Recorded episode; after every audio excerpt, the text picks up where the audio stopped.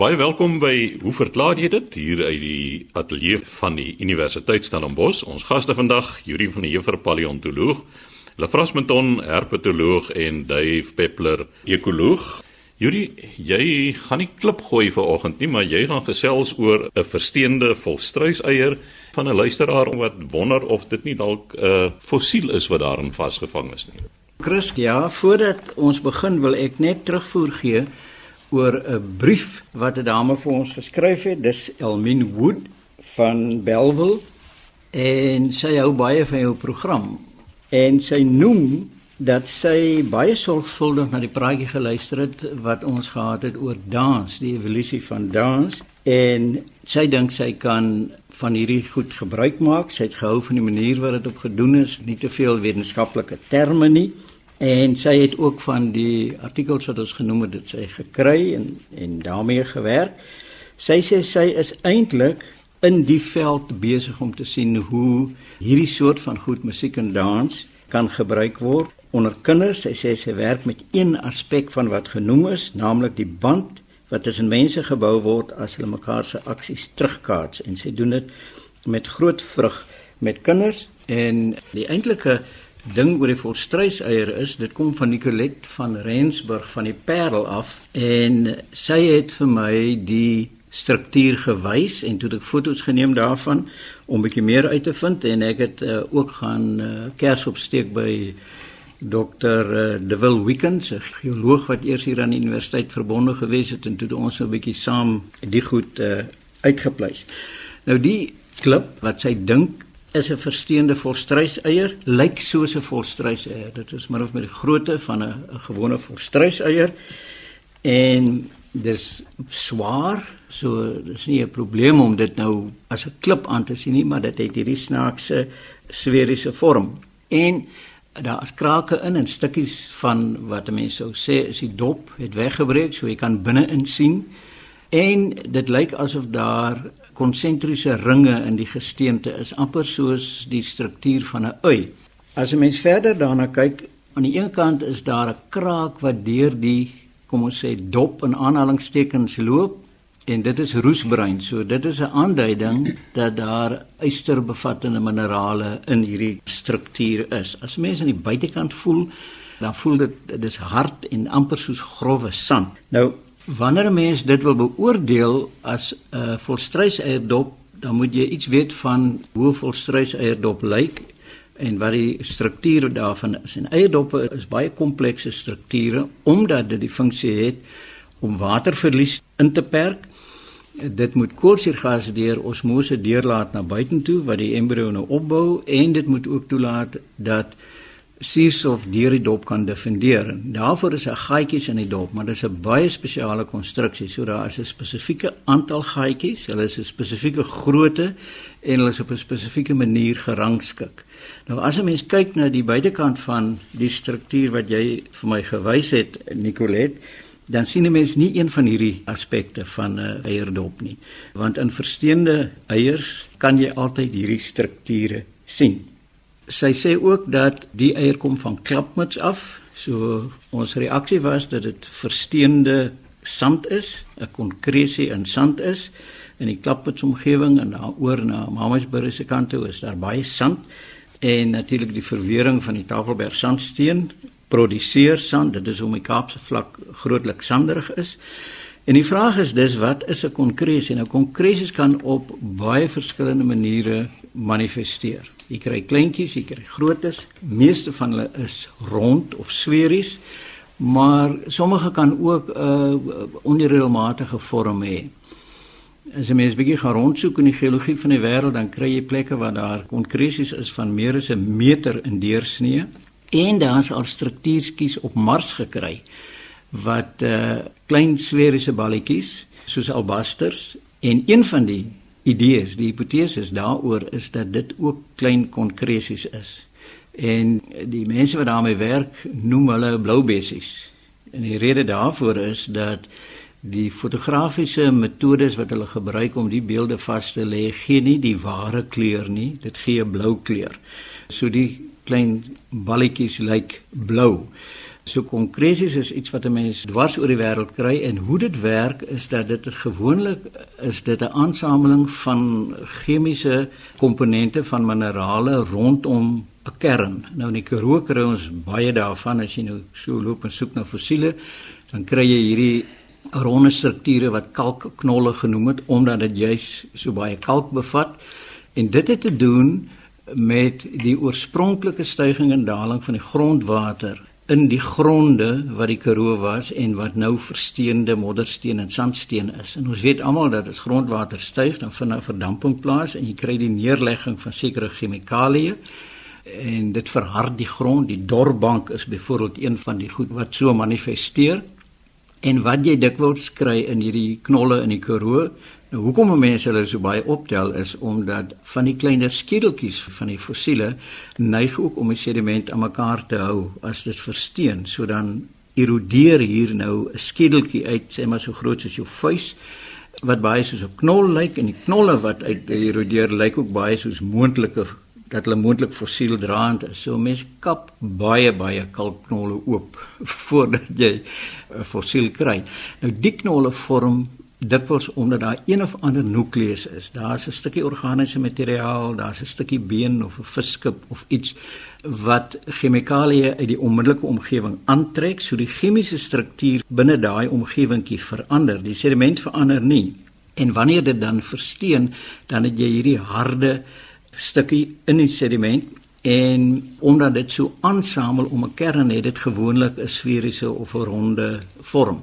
So die goed is bekend dit gebeur dikwels is daar krake in en dan kan jy kalsiet in die goed kan daar in vorm en dit is waarskynlik hoe hierdie selfde struktuur gevorm het in die klapmuts omgewing so Nicolet beide ek en de wil dink dit is nie 'n versteende volstruis eie nie. Juis omdat dit nie die anatomiese kenmerke toon nie maar dat dit 'n konkresie is. Juri ek het daar in die Tankwa Karoo baie sulke klippe in 'n baie klein area, hulle lê sommer so bymekaar, sulke rondes en dan baie is nou gebreek en dan sien jy hierdie konsentriese sirkels. My vraag aan jou is wat sal die oorsaak wees van die konsentriese sirkels? Dit is amper soos groei ringe, jy weet. Ja, kyk die Tankwa Karoo val in die Eka tydperk en dit is almal marine afsettings. So De Vil is juist nou die kenner van daai la in die Eka in die Tankwa Karoo. En ek dink dit daar's volkomme uitsluitlik oor die presiese chemiese proses wat plaasvind nie, maar as jy dink daaraan dat die kern amper soos 'n magneetjie werk om minerale elemente nader te trek en dan te fikseer, dan klink dit amper logies om sê dit sal een of ander sirkelvormige skilagtige ding vorm. So sê Yuri van der Heever ons paleontoloog, dui vir hier's 'n luisteraar wat bome het wat wit vlekke toon en sy is nou al baie angstig om 'n antwoord te kry want dit lyk vir my die bome begin skade kry. Ek het die brief ontvang wat so klink. Hulle sê aangeheg vind asseblief 'n foto van 'n boom op ons sypaadjie. Nou dit lyk vir my na 'n wit stinker. Dit was op varkenblaar geskryf, so was so effens dof en die boom kry sulke wit vlekke op. Hulle het dit gedurende die winter van 2017 begin oplê en dit versprei en steek ook die bome langs aan aan. Wat kan ons dit wees en hoe kan ons dit behandel? Hulle is lieflike bome. Ek hou van die sentiment en ons wil hulle nie verloor nie. Dis hoe mense sorg vir hulle omgewing alhoewel die boom nie aan hulle behoort nie. Hy het dan foto's gestuur en vra wat ons daarvan dink. Nou, ek het lank na die foto gestaar en na hierdie wit kolle En ek was eers nie seker van die diagnose nie en toe tref dit my dat al hierdie wit kol is georiënteer en ek vermoed aan die suidekant van die boom as ek na die ligval kyk. Dis my afleiding. En toe kom my verklaring na voor dit is nie kol en nie maar ligene wat op hierdie bome groei. En kom ons kyk dan eerstens 'n bietjie na die hele die wêreld van die ligeen wat in Afrikaans bekend staan as 'n korsmos maar natuurlik glad nie 'n mos is nie Yuri juisel natuurlik weet uit die Karoo, daai lieflike, veral op die gebakte klippe, nê, hoe mooi hulle is. Interessant dat jy dit noem, Duif, daar in 'n uh, Kanavense omgewing het ek nou klippe met korsmosse op, maar daar het dit die mooi naam klipblom. Ek het hom al so gehoor. Daar's wonderlike petrogliewe ook daar natuurlik op daai klippe. Nou ja, hulle neem vele forme aan Een van die mooiste en sigbaarste is natuurlik die rooi, jy weet daar van Gary se wêreld, die kroomgeel Redstone Hills op daai wonderlike konglomeraatformasies en dan natuurlik kan dit ook fisies ander forme aanneem soos die ou mans baard in byvoorbeeld die Bafiaansgroep, hierdie lang baarde wat so in die bome hang. Ek was juist die week in die Virungas in Rwanda waar die tropiese reënwoud eintlik oortrek is van hierdie pragtige organismes. Nou, die definisie daarvan is dat dit 'n saamgestelde organisme is wat bestaan uit 'n alg, sogenaamde cyanobakterieë wat verweef is tussen die filamente van 'n fungus. Met ander woorde, dis 'n saamgestelde organisme, maar ons moet onthou, dis nie noodwendig 'n plant nie. Die kombinasie van hierdie twee lewensforme het eienskappe wat die individu nie het nie. Met ander woorde, as hulle saamstel, het hulle ander eienskappe van voortplanting en bestaan as wat die individue forme het waarvan dit saamgestel is. Hulle is dus nie plante nie, maar hulle lyk so en mens sien daar's sommige met blaaragtige vertakkings, die frutikose vorm, 'n uh, plat blaar, die foliose vorm, vorm en dan ook selfs wat afskilfer wat bekend bekend staan as krustatiese vorms. Daar is twee hoofgroepe, die makroligene, die is die bosagtige in die bos beskryf die vorm nie die grootte nie en dan mikroligene, hoofsaaklik die wat plat op die substraat groei. Ons moet weer sê hulle is nie mosse nie want hulle het nie wortels nie, hulle sit eenvoudig net op op die substraat. Hulle is nie noodwendig parasiete nie, maar daar is een of twee vorms wat wel parasities is, maar in die algemeen van die 20000 spesies op aarde is daar enkeles wat parasities is. Hulle kom van seevlak voor tot op die hoogste alpynse vlakke daar waar plante byna begin verdwyn. Daar sien mense hulle natuurlik hoe op die hoogste bergpieke sal ligene nog voortbestaan en dit maak eintlik van hulle ekstreem hoeveelheid in baie opsigte dat hulle hierdie uiterste toestande kan oorleef. 6% van die aarde is oortrek daarmee ek nie geweet is soveel nie en soos ek gesê het daar is 20000 spesies.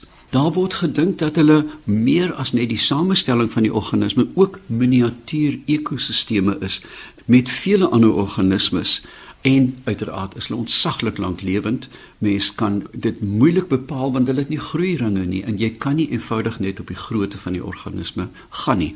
Die sigbare forme is natuurlik die talus, die geel, rooi, oranje en bruin teenwoordig is en nou moet ek vir julle vra want ek kon dit nie vertaal nie. Usnic acid, dis 'n suur uiteraard oesniese suur. Ek weet nie waar is Janie Hofmeyer om te help hier, maar waar hierdie suur nie in hulle voorkom nie, het hulle die gewone kakiegroen of bruin kleure. So dit is een suur wat bepaal of hulle kleur het of nie.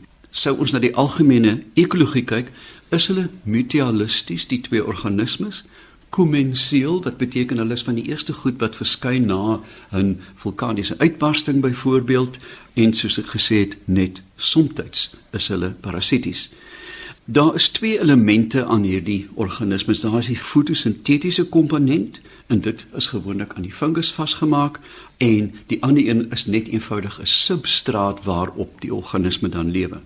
En hier kom ek by die antwoord uit dat korsmosse of ligene is intens sensitief vir omgewingsfaktore met ander woorde lugbesoedeling veral. Ek het 'n kollega in Swede met die naam van Burja Drakenberry en hy het 'n indeks vir alle Sweedse jy weet dit dit strek van 40 tot in die diep in die 60 grade noord het hy 'n indeks van omgewingskorsmosse gekoppel aan die lugkwaliteit. En jy kan deur letterlik na 'n boom toe te stap kan jy sê wat daar in die lug is. Hier's geen swaal of hier's niks dit in. Dis 'n wonderbaarlike indeks en ek dink dit word nou wêreldwyd gebruik. Dit is dan die begin van my verklaring. Ek vermoed dat die bome 'n fisiese grootte bereik het met ander woorde ook dalk 'n chemiese samestelling bereik het op 'n sekere ouderdom waarop hierdie korsmosse nou kan begin leef. En dis hoekom hulle skielik verskyn het. Mense sien dit gewoonlik nooit op klein bome, dis altyd gewone volwasse bome. En ek sou baie trots wees op die vlekke want heel moontlik is dit 'n teken van stabiliteit dat die bome het ordentlik gegroei en dat daar byvoorbeeld nie te veel lugbesoedeling in die omgewing is nie. ek sou nie kon sê uh, wat die spesifieke samestelling is nie, maar my raaiskoot is dat dit wel ligene is. Nou interessant genoeg daar's nog 'n baie interessante gebruik van ligene en dit is van in die duurste parfums op aarde waar ook mos gebruik word in byvoorbeeld Jickie van Guerlain, Miss Dior gebruik dit, Chanel se nommer 5 en 9, Balmain se Jolie Madame, Boucheron, Fracas van Robert Piguet, al hierdie groot name bevat baie duur uittreksels of destillate van hierdie legene. Ek het selfs by my huis versamel en dit geëkstraheer met alkohol en dit is 'n absoluut fantastiese reuk, so 'n diep grondreuk wat byna na kuskusgras herinner. So, Ek dink voorlopig dat dit nie 'n fungus is nie of 'n siekte is nie, maar wel 'n doodnatuurlike korsmos en ek sal baie graag wil hoor van die vordering. As die boom begin vrek, moet ek my hele verklaring herdink, maar ek dink dis nie nodig nie. So sê Dave Peppler, ekoloog, volgende aan die beurt, Lefras Meton, ons herpetoloog. Lefras, hoe weet 'n mens wanneer is 'n skilpad 'n mannetjie en wanneer is dit 'n wyfie? Ja, Chris, luisteraars, ek dink dit is mos maar altyd 'n probleem as mens troeteldiere aanhou. Ek praat nou nie van honde en katte nie, dis makliker, maar voëls veral en ook ander diere. Wat is dit nou 'n mannetjie of 'n wyfie? By soogdiere, ja, soos ek gesê het, is dit maklik. Die mannetjies het gewoonlik uitwendige geslagsorgane en mens kan nie 'n fout maak nie. Jy moet baie blind wees om daar 'n fout te maak. Voëls baie van die voëls is die suurvoëls meer is die mannetjies soms helder gekleer of hulle vere lyk anderste op 'n permanente basis. Maar tog is daar baie voëls wat dit baie moeilik is om die geslagte kan bepaal. Ek weet die Afrika gryspapegaai is een van hulle wat dit moeilik is om die geslagte bepaal. Ongelukkig is daar nou baie diere wat mens nie daardie spesifieke kenmerke een geslag het nie 'n spesifieke kenmerk wat jy hom sommer as 'n mannetjie of 'n wyfie kan uitken nie. 'n Skilpaaie is een van daardie groepe diere. Dikwels die kenmerke wat gebruik word is goed soos die mannetjie is groter as die wyfie. Uit die aard van die saak moet 'n mens dan 'n hele paar skilpaaie bymekaar hê om eers te sien wat is wat is nou groot? Jy help jy een skilpad, want jy weet nie of dit groot of klein is en hoe oud die skilpad is nie. En dan hierdie kenmerke wat mens gebruik by skilpaaie verskil ook van spesies tot spesies. So dit geld nie vir alle skilpaaie nie.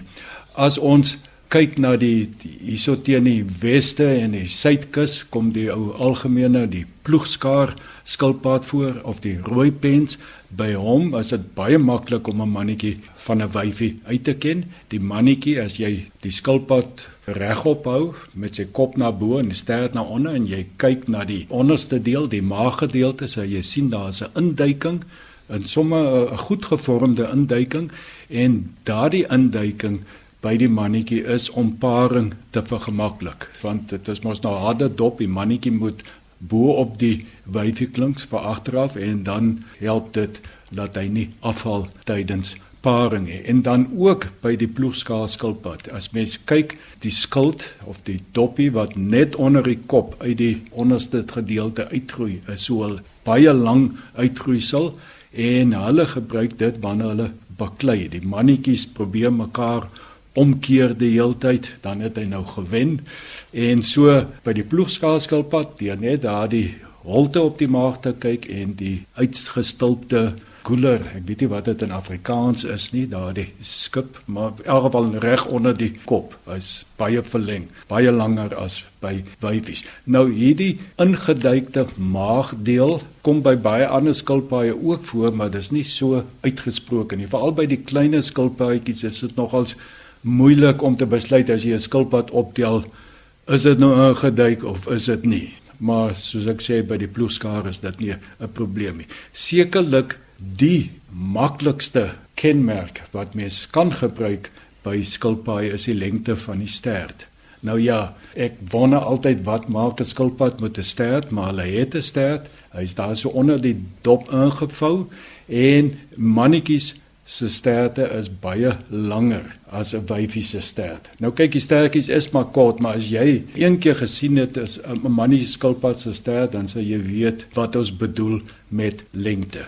Lefras, dit val my nou op is daar wervels in die stert? Daar sal definitief wervels in wees. Ek praat nou onder korreksie, maar as mens kyk na die hele ontstaan van die werveldiere, is stert is mos nou maar van die begin af daar en dit is 'n stert met wervels. Ek is seker Yuri sal beam. Dan iets wat vir my, ek moes dit seker meer aan die begin gesê het, is dat skilpaaie en ek het dit eintlik nooit geweet ek het dit nou gaan oplees.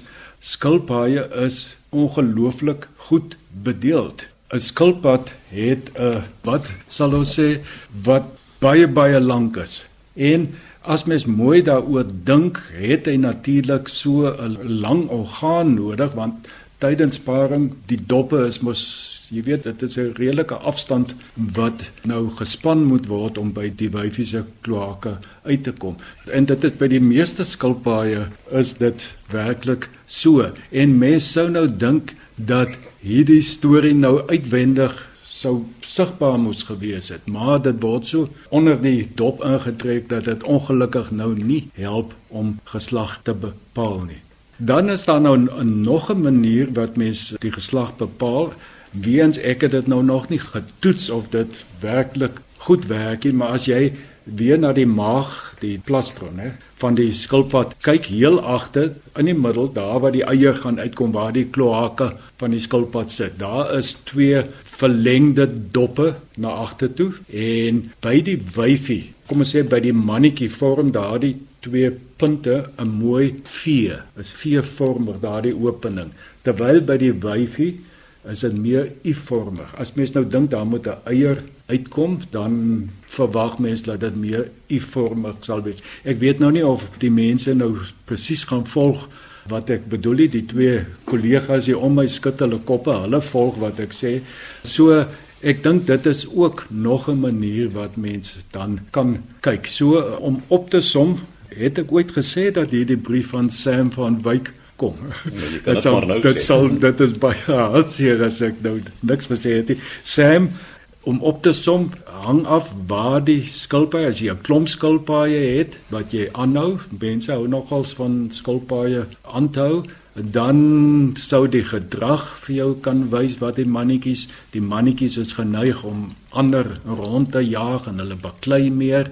Dit sou vir jou sê en dan as dit dalk van die ploegskaar of die rooi penskilpaadjies is, dan gaan dit oor daardie holte op die maag en dan die sterte lyk my is seker die betroubaarste manier om te kyk. Mannetjies het 'n lang stert, of relatief lank en die wyfies 'n baie kort stertjie. Lefras wie ek onthou as kind het uh, bure van ons bergskilpaaie gehad en dat hulle ook vokaliseer dat jy kan hoor met paring dat die mannetjie sis en maak geluide. So dis dalk ook 'n aanduiding. Natuurlik wanneer daar nou twee skilpaaie paar dan is die een wat nou bo is dan nou uit die aard van die saak die mannetjie Ja, dit is dan Dit is dan Lefras Meton, herpetoloog wat verduidelik het hoe bepaal 'n mens wanneer 'n skilpad 'n mannetjie of 'n wyfie. Skryf gerus aan ons by hoe verklaar jy dit posbus 2551 Kaapstad 8000.